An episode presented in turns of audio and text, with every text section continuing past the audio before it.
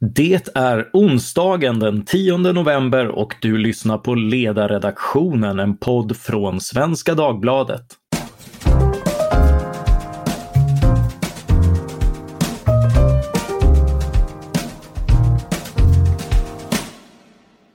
Jag heter Mattias Svensson och dagens ämne är att få bestämma över sin kropp. Min gäst idag är nämligen Amanda Broberg som inte bara är marknads och studentansvarig på Timbro förlag utan redaktör för antologin Stopp min kropp! Politik, normer och kroppslig integritet som har release idag. Välkommen Amanda! Tack så mycket Mattias! Jag misstänker att en vanlig undran eller invändning på den här boken kommer att vara varför sådana här frågor är viktiga. Här pratar vi om gängkriminalitet och finanspolitiska ramverk och så kommer tankesmedjan Timbro med en bok som har kapitel om underlivskirurgi. Hur motiverar man det? Det är lite tillspetsat som, som du beskriver det Mattias, men så där kan man ju resonera kring alla frågor. Det finns ju alltid frågor som man kan rangordna på olika sätt och tycka är viktigare än andra. När det kommer till kroppspolitiska frågor, och det ska vi säga, det här är en antologi med tio kapitel, tio olika politiska aspekter av kroppen.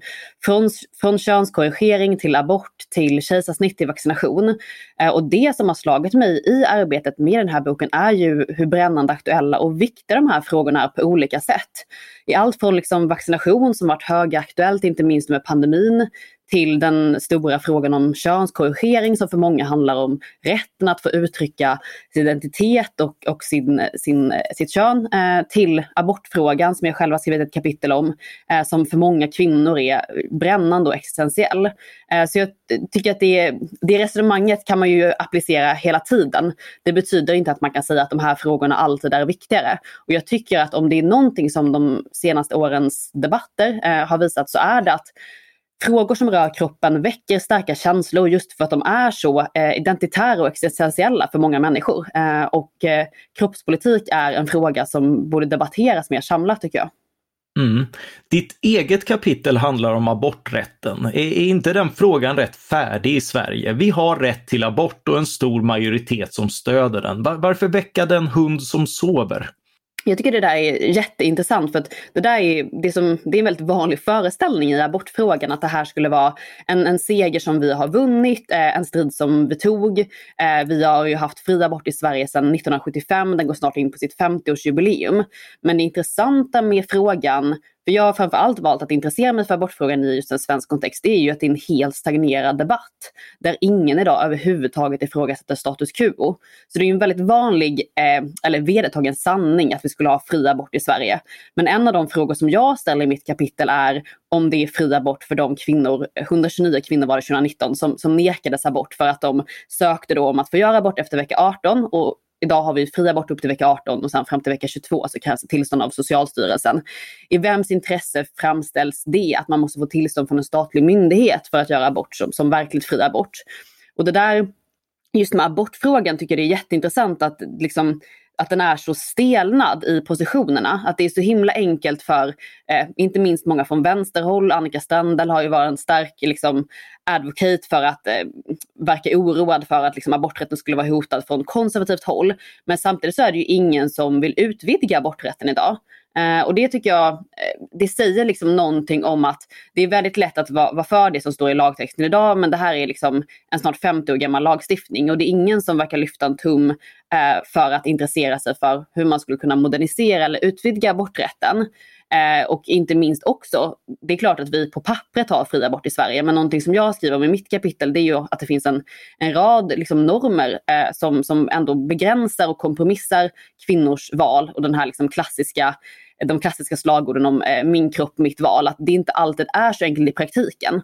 Och det ser vi också i en rad andra eh, frågor som tas upp i den här boken. Att eh, om det inte är liksom paternalistisk lagstiftning eller eh, politiska eh, regleringar så är det ofta normer i samhället som gör att den här liksom, föreställningen om att man får göra vad man vill med sin kropp eh, i själva verket inte alls är så varken sann eller enkel i praktiken. Kan du ge några exempel på det där? Vi har ju, eh, abortfrågan är väl liksom ett, ett här, vanligt exempel eh, som jag tagit upp där, att vi har fri abort fram till vecka 18 men sen så fram till vecka 22 så, så måste man då få tillstånd från Socialstyrelsen och då är det bara vissa skäl för abort eh, som är eh, så goda liksom, att, man, att man får det helt enkelt. Ehm, ett kapitel eh, som tar upp en, en fråga som kanske inte uppmärksammas lika mycket. Det, det är Vincent Flink Amlenäs kapitel om rätten att välja kejsarsnitt. Där det idag finns eh, ganska stark opinion bland många kvinnor att man borde få rätt att välja hur man, hur man ska föda. eh, men det får man ändå inte göra. Um, Signe Krantz skriver om könskorrigering. Det är ju onekligen en fråga som har varit på tapeten. Uh, och där är ja, frågan, ska man få byta kön? Ska man få bestämma det själv? Uh, där har ju stundvis den politiska debatten dragit åt andra hållet. Man har haft förslag fram om att sänka åldersgränser för könsbekräftande vård till exempel. Men det finns ju också många uh, starka motståndare som har hört mycket i debatten som har varit kritiska till, till den könsbekräftande vården.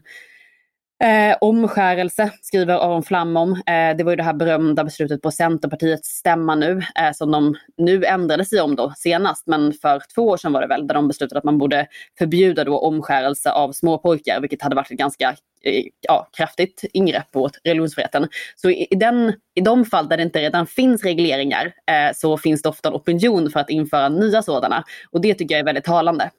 Ja, eh, vi ska komma till, eh, till många av de här, men jag, jag tänkte mer på abort. För vilka, vilka typer av beslut är det man inte kan fatta idag av, eh, av politiska skäl eller, eller eh, av, av normer som hindrar, menar du? Jag ställer upp liksom vad jag kallar någon form av toleranslackmustest eh, i, i abortfrågan i mitt kapitel. Där jag ställer frågan, eh, är alla skäl för abort lika goda? Det vill säga är, oavsett om det är för att man eh, ursäkta så, men slarvade med preventivmedel eller om det är för att eh, aborten är eh, ett liksom, resultat av ett övergrepp. Är, ska man liksom tycka att de skälen eh, är, eh, är lika goda, eh, så att säga. Eller lika goda men poängen är ju liksom att lagstiftningen då ska förhålla sig neutral till antalet skäl. Så det är liksom det första kriteriet och det andra är, spelar antalet aborter i samhället någon roll? Så är alla skäl för abort lika goda? Spelar antalet aborter i samhället någon roll? Bara om man svarar nej på båda så är man för en ovillkorad aborträtt skriver jag. Och det kan ju låta lite hårt eh, och eh, tolerans är som bekant inte att man behöver omfamna någonting eller tycka det är jättebra utan helt enkelt att man måste kunna tolerera eh, saker Ehm, för att människor ska få liksom, bestämma själva och att man ska ta väldigt varligt på att inskränka den typen av friheter. Och där menar jag att många som idag eh, verkligen artikulerar att de är för fri abort och står bakom aborträtten och nuvarande lagstiftning inte alls tycker att alla skäl för abort är lika goda. Eh, som vill ha en, om man inte kollar på minst Kristdemokraterna som har velat ha en aktiv politik för att minska antalet aborter och så vidare. Och där menar jag att det är inte, det är liksom ganska Eh, det är inte så fruktbart om man vill förstå någons position i abortfrågan att fråga står du bakom svensk abortlagstiftning eller inte? För det gänget rymmer de allra flesta idag. Eh, den partipolitiska enigheten kring rådande lagstiftning har aldrig varit större.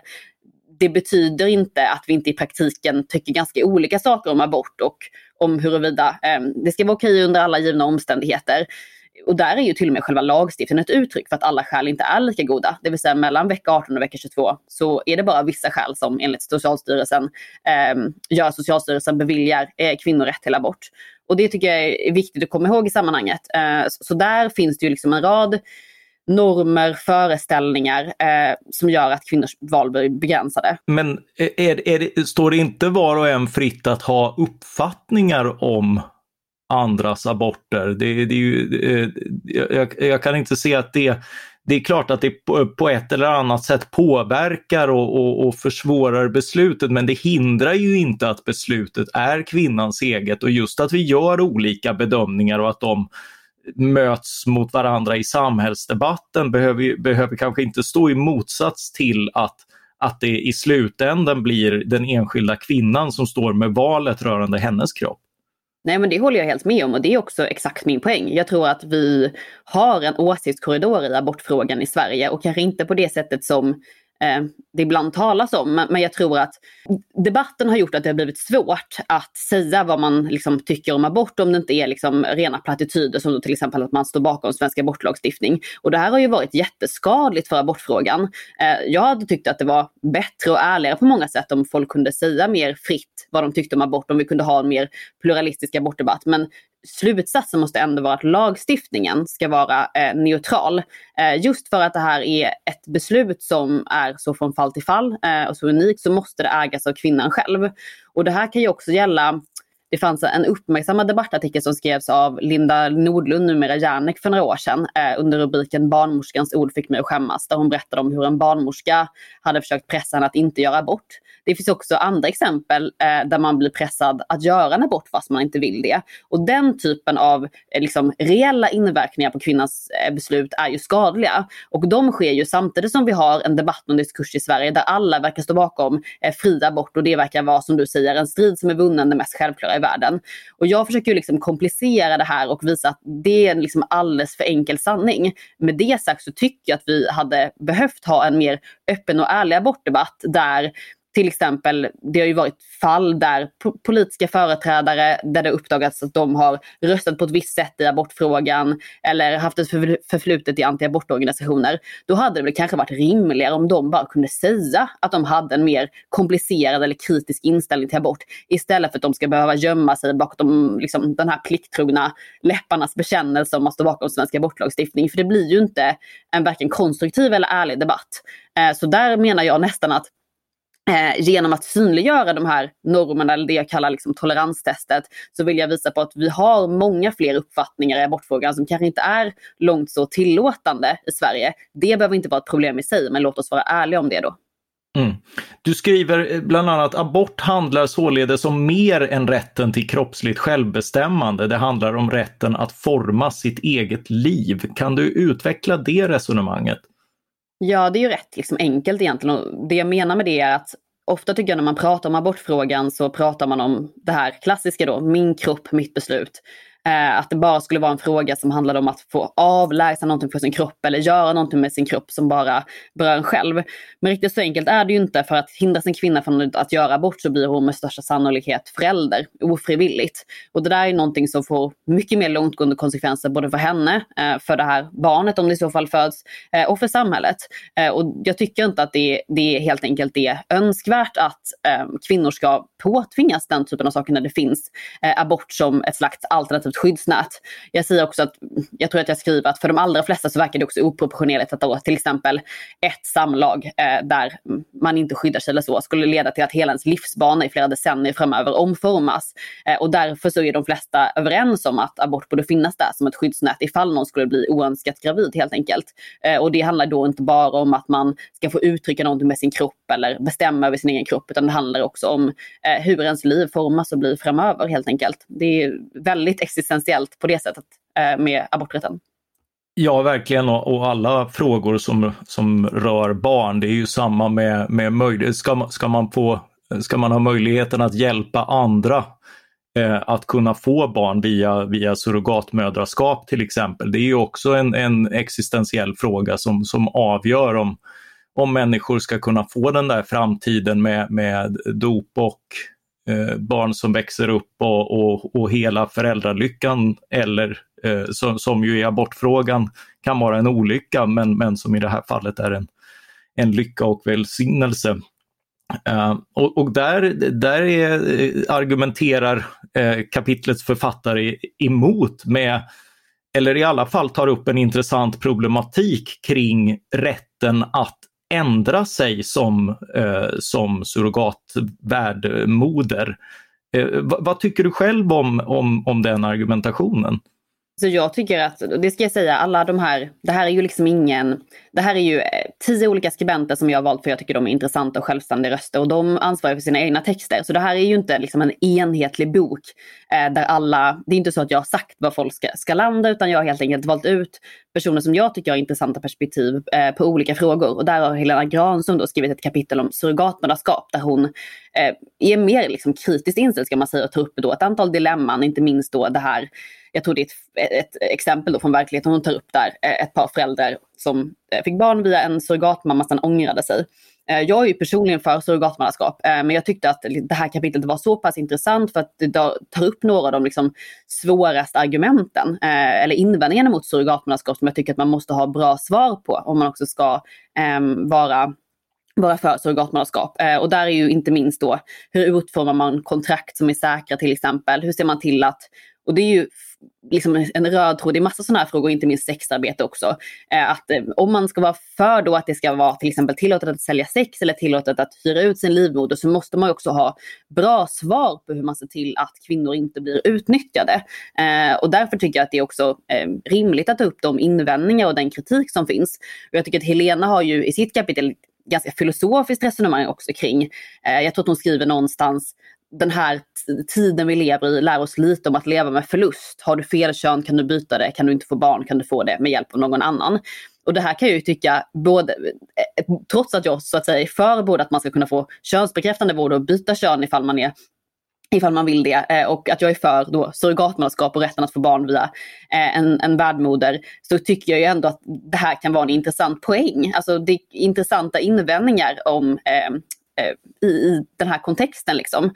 Och där tycker jag det är jätteviktigt att, och det har varit ambitionen med den här boken, att visa inte hur enkelt det är att landa i den mest tillåtande li eller liberala slutsatsen utan hur svåra de här frågorna är. Eh, att de ofta är omgärdade, om inte av intressekonflikter så åtminstone starka känslor och viljor som drar åt olika håll i de här frågorna.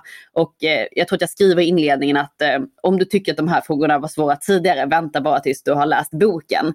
Eh, och där tycker jag att det är viktigt att det här ska vara utmanande läsning, eh, intellektuellt tuggmotstånd och att man ska känna att man, eh, om inte omprövas, åtminstone får, får nya perspektiv på frågor och kan vässa sina argument ännu mer i, i vilken slutsats man än landar i de här olika politiska aspekterna av kroppen. Mm, jag, jag tycker den spretar föredömligt på det eh, sättet. Eh, ett, ett, annat kapitel rör, som du har varit inne på rör eh, frågan om att kunna välja kejsarsnitt som förlossningsmetod eh, och att det visst inte är så dyrt och farligt som, som hävdats i debatten. Ja, jag tror att eh, Vincent som har skrivit det här kapitlet, eh, han tar sitt, eh, sitt avstamp, det var en, en text som Hanne Kjöller skrev eh, för kanske två år sedan skulle jag gissa. Eh, där lite tillspetsat blev rubriken, eh, ja, om du inte kan tänka dig att eh, föda vaginalt så kanske du ska skaffa hund istället för barn.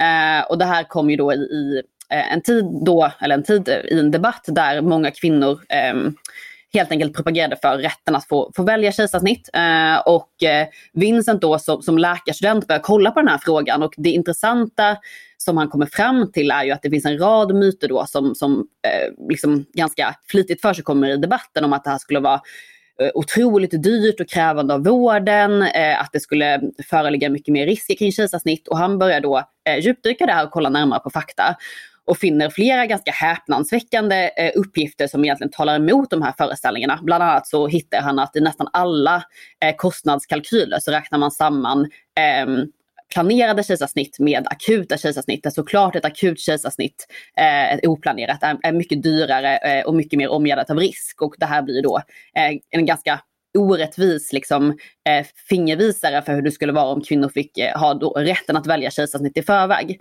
Så det tycker jag verkligen är ett, ett jätteintressant kapitel och jag hoppas att det kan få eh, stort genomslag i debatten just för att det inte, just för att Vincent faktiskt kommer med mycket evidens på området som, som man inte har hört så mycket av tidigare. Mm, jag, jag, reagerade på det här att det finns en hel kuratorsprofession vars uppgift är att tala om för kvinnor att de ska välja vaginal förlossning. Eh, för läser man Lena Lennerheds bok Historier om ett brott, om abortens historia, så, så framgår där att det fanns en liknande profession under efterkrigstiden som hade till uppgift att också med lögner och vinklat material tala om för kvinnor att de verkligen inte behövde någon abort. Kanske en liten dramatisk jämförelse eftersom man då också eh, använde elchocker och annat för att få kvinnor att fatta rätt beslut. Men vad tillför en kuratorsprofession som har svaret klart på förhand? Nej, och det är precis det som, som är en av poängerna som görs i kapitlet som jag tycker är en, en väldigt viktig liksom, poäng. Och, och där, jag tror att Vincent skriver någonstans att eh, för, för det är ju så idag att vissa kvinnor, om man uttrycker en extrem rädsla, ändå kan få välja att, att förlösas med kejsarsnitt trots att man inte har då medicinska skäl för det här till exempel. Men problemet är att det förutsätter att kvinnor ska erkänna en rädsla som är irrationell. Och det är också en extrem psykologisering tycker jag. Att man ska då, eh, ja, för att kunna få rätten att liksom ja, bli förlöst med kejsarsnitt i Sverige idag så måste du i princip erkänna att ditt val inte, din val eller ditt önskan inte sker på, på rationell, rationella grunder. Eh, och där kan man ju se mycket i liksom, eh, kvinnohistorien kring medicin, sjukdomar, abort, sjukvård. Eh, där kvinnor helt enkelt på olika sätt eh, i olika tider har omyndigförklarats eh, och ska liksom läxas upp i att förstå att, att om inte deras beslut är fel så är det åtminstone inte rationellt. Mm, när, när självbestämmandet över kroppar kringskärs så, så är det väl ofta kvinnors kroppar. Är, är det en korrekt iakttagelse eh, eller blir man feminist av ett sådant konstaterande? Nej, jag, jag tror att jag skriver i inledningen att det är ju ofta när den här typen av frågor är på tapeten så handlar det ofta om eh, kvinnors kroppar. Abortfrågan är kanske det allra tydligaste exemplet på det, men inte, inte minst också sexarbete. Där är det nästan uteslutande så att man diskuterar kvinnor som, som sexarbetar och väldigt sällan män som gör det, även om det såklart också förekommer ganska i hög utsträckning. Surrogatmannaskap, ytterligare en sån fråga eh, som såklart är mer stämplad som en inom situationstecken kvinnofråga. Men, men min ambition har ju varit att visa att de här frågorna är mycket bredare än så. Det här är inte liksom en feministisk angelägenhet eller en angelägenhet för kvinnor utan eh, alla personers kroppar kan bli politiska slagfält och föremål för begränsande och inskränkande politiska beslut.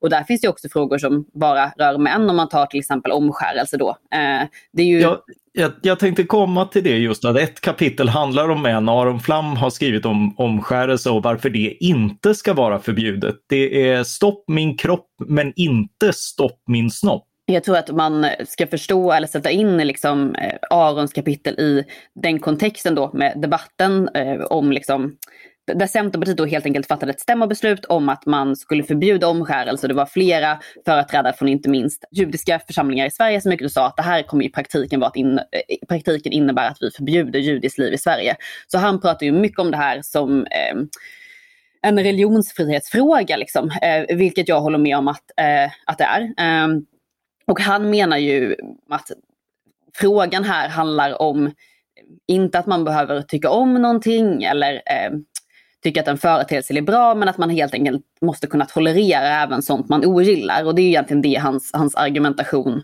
eh, går ut på. Eh, så ja, det, och det är också en fråga som verkligen har varit uppe mycket på, på agendan. Ja, han hade en rätt tänkvärd formulering som jag tycker är värt att citera. Jag är ateist, men, men jag förstår att det är religionsfriheten som garanterar mig möjligheten att inte tro på någon gud. Jag vill inte ha en ateistisk stat. Det vore att ha en stat med ateism som statsreligion. Ja, Eh, nej, och jag, tycker att, jag håller med Aron i det och jag tycker att eh, det var, han, han har ett sympatiskt sätt att argumentera mot, mot sina motståndare i den här frågan eh, som handlar helt enkelt om eh, ja, att, att värna vissa frihetliga skyddssystem för att vi alla ska ha rätten att eh, tro på vad vi vill. Ja, det är lite grann att ställa frågan eh, hur fel får man ha? Eh, vi, vi, försvarar man frihet så försvarar man rätten att göra fel och frågan är då hur fel man får ha och, och skadar man inte någon så är, så är det inte så farligt. Ett annat tar, kapitel tar ju upp då när man skadar andra, det vill säga kvinnlig könsstympning eh, och, och, tar upp det här med klitorisrekonstruktion. Och det är ju det är ju en fantastisk del av den kvinnliga anatomin som kartlagts först fascinerande nog på senare år enligt eh, Zoe Cormiers bok Sex, Drugs and Rock'n'Roll som är mycket läsvärd. Eh, hon, hon, beskriver bland annat hur läkarböcker och annat har, har eh, helt enkelt inte vågat erkänna hur många nervtrådar som, som går till, till våra könsdelar för då blir proportionerna oanständiga. Eh, men det finns alltså möjlighet att hjälpa kvinnor som har könsstympats att få funktionaliteten delvis tillbaka. Har jag förstått kapitelförfattaren rätt då? Ja, och det är Anna-Kristina Hernander som har skrivit det här kapitlet. Och det här eh, kapitlet är delvis baserat på ett, ett reportage i Bulletin som Anna-Kristina skrev. Eh, som, eh, där hon helt enkelt upptäckte att det här överhuvudtaget var en möjlighet. Och jag tyckte det var otroligt intressant att i, i en debatt som de senaste åren har diskuterat, ja, manlig omskärelse, där har vi ju liksom, som du är inne på, det yttersta exemplet på när man skadar någon genom att eh, inskränka liksom, så, på, på någons kropp eller då ett barns kropp i det här fallet och, och, när man inte gör det så att säga. Alltså det finns ju väldigt praktiskt tydligt där att det är väldigt stor skillnad på att omskära små pojkar och att könsstympa flickor. Eh, och i fallet med, med kvinnlig könsstympning så är det ju eh, uteslutande eh, syftat till att kontrollera kvinnors kroppar. Eh, det skadar dem, eh, det skadar funktionaliteten, det ger dem ofta men för livet. Och det här är också en fråga som har diskuterats, eh, att det, det, förekommer till exempel kvinnlig eller könsstympning av flickor eh, i Sverige idag. Eh, I stora delar, ja, miljontals flickor världen över är könsstympade och det här är ju liksom ja, helt fruktansvärt. Eh, och ändå i en, i en debatt där man har diskuterat det här mycket så har jag och få andra med mig tror jag någonsin hört talas om att den här möjligheten finns, det vill säga rekonstruktionskirurgi då för eh, könsstympade. Eh, och det här skriver Anna Kristina om och eh, ja, folkbildar den här frågan på, på ett väldigt värdefullt och föredömligt sätt. Eh, och förhoppningsvis kan det här leda till att fler får upp ögonen för den här möjligheten eh, och eh, att ja, förstå att det här är liksom någonting, ett alternativ som finns för, för, för kvinnor som har utsatts för det här. Mm. Eh, en, en, fråga som diskuteras mycket och har sprängkraft är ju den om transpersoner och könskorrigering där, där Signe Krantz guidar oss i, i den djungeln. Eh, hon, det, finns det en risk att personer behandlas utan att det är motiverat eller är det, är det tvärtom en risk att de som är i behov av hjälp eh, nekas den? Det där är ju en jättesvår fråga. Jag, jag tänker inte sitta här och säga att det är aldrig någon, alltså, det är aldrig någon som har fått vård som inte då som skulle ångra sig eller inte behövde den. Men, men det som Signe visar som jag tycker är liksom ett välbehövligt avbrott från den diskurs som har varit i, i transdebatten de senaste åren. Det började med Uppdrag granskning som gjorde de här programmen om tranståget där man har sett då en ganska anmärkningsvärd ökning av då framförallt antalet unga flickor som söker könsbekräftande vård och vill byta kön. Och det här har ju då, eh, gensvaret på det här har ofta varit att människor vill begränsa och försvåra tillgången till könsbekräftande vård. Men som Signe skriver, eh, vi vet att transpersoner existerar och vet att transpersoner eh, mår bättre, att vi kan rädda liv genom att ge människor könsbekräftande vård. Och det är inte så att de som inte får eh, en ordentlig utredning och sen behandling, om det är det som beslutas, att de personerna i annat fall fall eh, gå vidare med sina liv och må bra. Tvärtom. Transpersoner har eh, väldigt höga självmordstal och det är också väldigt vanligt. Eh, Signe skriver något som hon kallar öppna hemligheter bland transpersoner. Och en av de öppna hemligheterna är att eh, många då som inte får könsbekräftande vård via den lagliga vägen så att säga istället eh, självmedicinerar, eh, köper preparat på internet eh, som kan vara farliga och försöker liksom genomgå en sån process på egen hand. Och det kan ju vara långt mycket mer skadligt. Ehm, och det här sker då ofta som ett resultat av att man nekas könsbekräftande vård.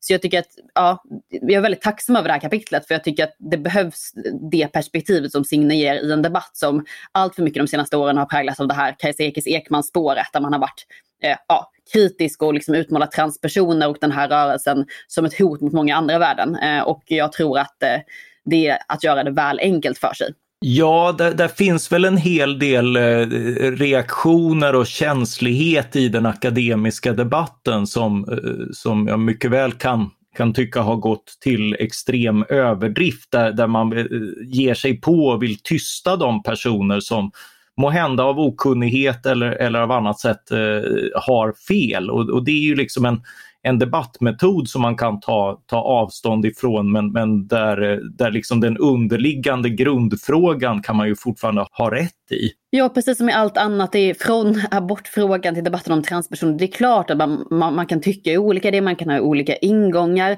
Men jag tycker att man, och det är väl det som gör de här frågorna så viktiga, så intressanta, så brännande, det är att det här handlar ju om väldigt grundläggande eh, saker i de människor det berörs liv. Det handlar mm. om rätten att få uttrycka sitt kön, det handlar om rätten att bestämma över sin kropp, rätten att få göra abort till exempel. Det är verkligen inga småsaker för de människorna som, som det berör. Eh, och där eh, tror jag att inte minst transdebatten, där jag är glad att man, man liksom kan få perspektivet från då de här personerna som är berörda helt enkelt. Snarare än då folk som på kanske ett mer akademiskt plan komplicerar kring könsidentiteter och huruvida kön är ett spektrum och så vidare. och så vidare. Det blir lätt väldigt teoretiskt i de här frågorna när det i praktiken handlar om eh, enskilda människors liv och väldigt avgörande saker i deras liv och för deras identitet. Många frågor har också växt under pandemin och av pandemin. Eh, vacciner är ju den mest uppenbara. Eh, har, har, staten rätt att tvinga oss att ta vaccin och bör det gälla vacciner mot covid-19? Svaret är i princip alltid nej om man frågar Klara Lidman som har skrivit eh, kapitlet om vaccination.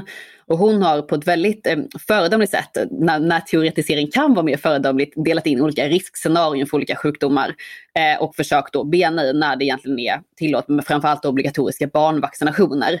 Eh, och det här är ju en väldigt liksom, angelägen fråga, inte minst när alla poserar på sociala medier med det här plåstret på, på överarmen. Ehm, Been there, done that. Exakt, exakt. Eh, så, så det, och där skriver hon också om den att eh, liksom, man kan såklart eh, vara väldigt skeptisk mot de eh, vaccinationskritiska rörelser som växer fram, som ofta är präglade av desinformation och konspirationsteorier. Eh, man kan tycka att det är bra att människor vaccinerar sig, att vi borde ha, eh, ja, vaccinera oss mer mot olika sjukdomar för att förhindra eh, smittspridning, men ändå landa i att det kanske inte är befogat att eh, tvinga till exempel föräldrar att vaccinera sina barn i alla fall. Eh, återigen eh, visa att en fråga inte är så enkel utan snarare svårare och rymmer fler perspektiv och det gör Klara jättebra i sitt kapitel om, om vaccination. Ja, det är som sagt många olika perspektiv och, och, och sådär. Maria Eriksson tar upp, eh, hon, hon, tar i sitt kapitel upp nästan lika många som de andra tillsammans kring olika frågor som en del pandemirelaterade eh, från från liksom eh, hur, hur det gick med den här handskakningsdebatten när det, det har ju varit en massa politiker ute och förklarat att i Sverige måste vi ta i hand och plötsligt var det inte så smart längre. Eh, till, till liksom Internet of Things och, och hur, hur, mycket, hur mycket information vi, vi delar med oss till, eh, till, till andra parter när vi suttit isolerade och skött oss själva och försökt interagera med andra. Och där tänker jag att om Aron, om Aron frågar sig hur, hur fel får man ha i sitt kapitel så frågar väl Maria lite hur, hur mycket av sin personliga integritet kan man egentligen ge upp, har man rätt att ge upp och så vidare. Och visar att idag så ger vi upp ganska mycket av vår personliga integritet rätt så lättvindigt. Eh, och skildrar också integritet tycker jag och det håller jag verkligen med om, att det är liksom lite av ett förlorat värde. Det gäller ju allt från debatten nu om hårdare tag mot kriminella, eh, lättare eh, att med övervakningsåtgärder till exempel. Men det gäller också, inte minst i kontexten pandemin, eh, där vi har fått se vår liksom, frihet, rörelsefrihet och andra typer av aspekter av vår frihet bli, bli kraftigt kringskurna och inte protestera så mycket egentligen. Eh, så det är jätteintressant. Hon skriver då, som du är inne på, Internet of Things, eh, om hur saker som liksom paketeras som enklare vardagslösningar i allt från babymonitorer till sexleksaker i själva verket leder till att vi ger ifrån oss väldigt, väldigt mycket av väldigt, väldigt personlig information som vi helt enkelt inte vet vad, vad den kommer användas till. Eh, och det är ju onekligen en, en fråga som vi, jag tycker borde debatteras mer i tider som dessa. Ja, verkligen. Eh, jag, jag, tänker här eh, eh, slutligen, det, det, finns många, många eh, värdefulla och tänkvärda kapitel eh, värda att omnämna. Men Timbro är ju en marknadsliberal tankesmedja där mycket handlar om värdet av företagsamhet, teknikoptimism och, och marknader. Finns sådana värden också kopplade till den, eh, den kroppsliga friheten? Ja, men det tycker jag, eller både och egentligen. Eh, mycket av det här eh, hänger ju samman. Om man tar Timbros slogan så är det fria marknader, öppna samhällen och, och personlig frihet. Och under det sistnämnda personlig frihet så är det många av de här frågorna eh, som, som går in.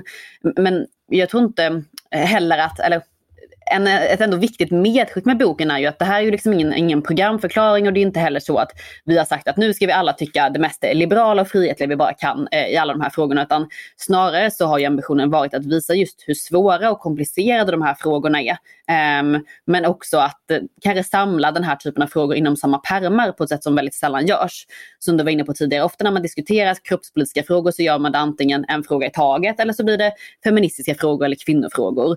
Uh, och vi och jag vill visa med den här antologin att uh, det här är frågor som ehm, rör liksom eh, fundament i liksom olika frihetsvärden, men som för den saken skulle ändå kan vara svåra där man kan landa i olika slutsatser. Eh, så jag är jätte, jätteglad över att vi lanserar den här antologin nu och jag hoppas att många kommer läsa den, få nya perspektiv på alla möjliga frågor, men också se att de här frågorna om än med olika slutsatser, med olika ingångar, med olika mycket uppmärksamhet i debatten. Eh, att det går en röd tråd genom dem, att vi borde diskutera kroppspolitik som, som fenomen mycket mer. Det här är liksom en om man tar kroppspolitik då, det är eh, ett ämne som aldrig skulle tas upp i en partiledardebatt eller eh, ja, kanske ens skrivas på en dagordning men som man ändå kan se i vissa fall påverkar debatten extremt mycket, eh, påverkar valresultat och eh, viktigt att belysa de här frågorna tycker jag och, och diskutera dem mer. Ja, och eh, boken har ju verkligen varit en öppnare, förhoppningsvis också denna diskussion. Eh, det finns mycket kvar att diskutera men eh, jag eh, tänker släppa dig för du har en eh, bokrelease ikväll eh, där du förhoppningsvis får göra trevliga saker med din kropp. och annat. Så jag ber att få tacka dig Amanda Broberg, redaktör för antologin Stopp min kropp. Tack så mycket Mattias, det var jättekul att vara med. Tack också till alla er som har lyssnat på ledarredaktionen. Blev ni stimulerade av diskussionen om sexleksakers avtryck på internet eller vill addera några avsnoppande svar på diskussionen om omskärelse? Mejla i så fall till ledarsidan svd.se. Ledarsidan svd.se. Jag vill också passa på att tipsa om våra grannpoddar här på Svenska Dagbladet. Dagens Story håller hårt på integriteten i sitt programformat och presenterar varje dag ett ämne på 15 minuter. Vi har också politiken som själva väljer väg i hur de guidar oss genom maktens korridorer. Producent för det här avsnittet var Jesper Sandström. Jag heter Mattias Svensson och jag hoppas att vi snart hörs igen. Tack för den här gången.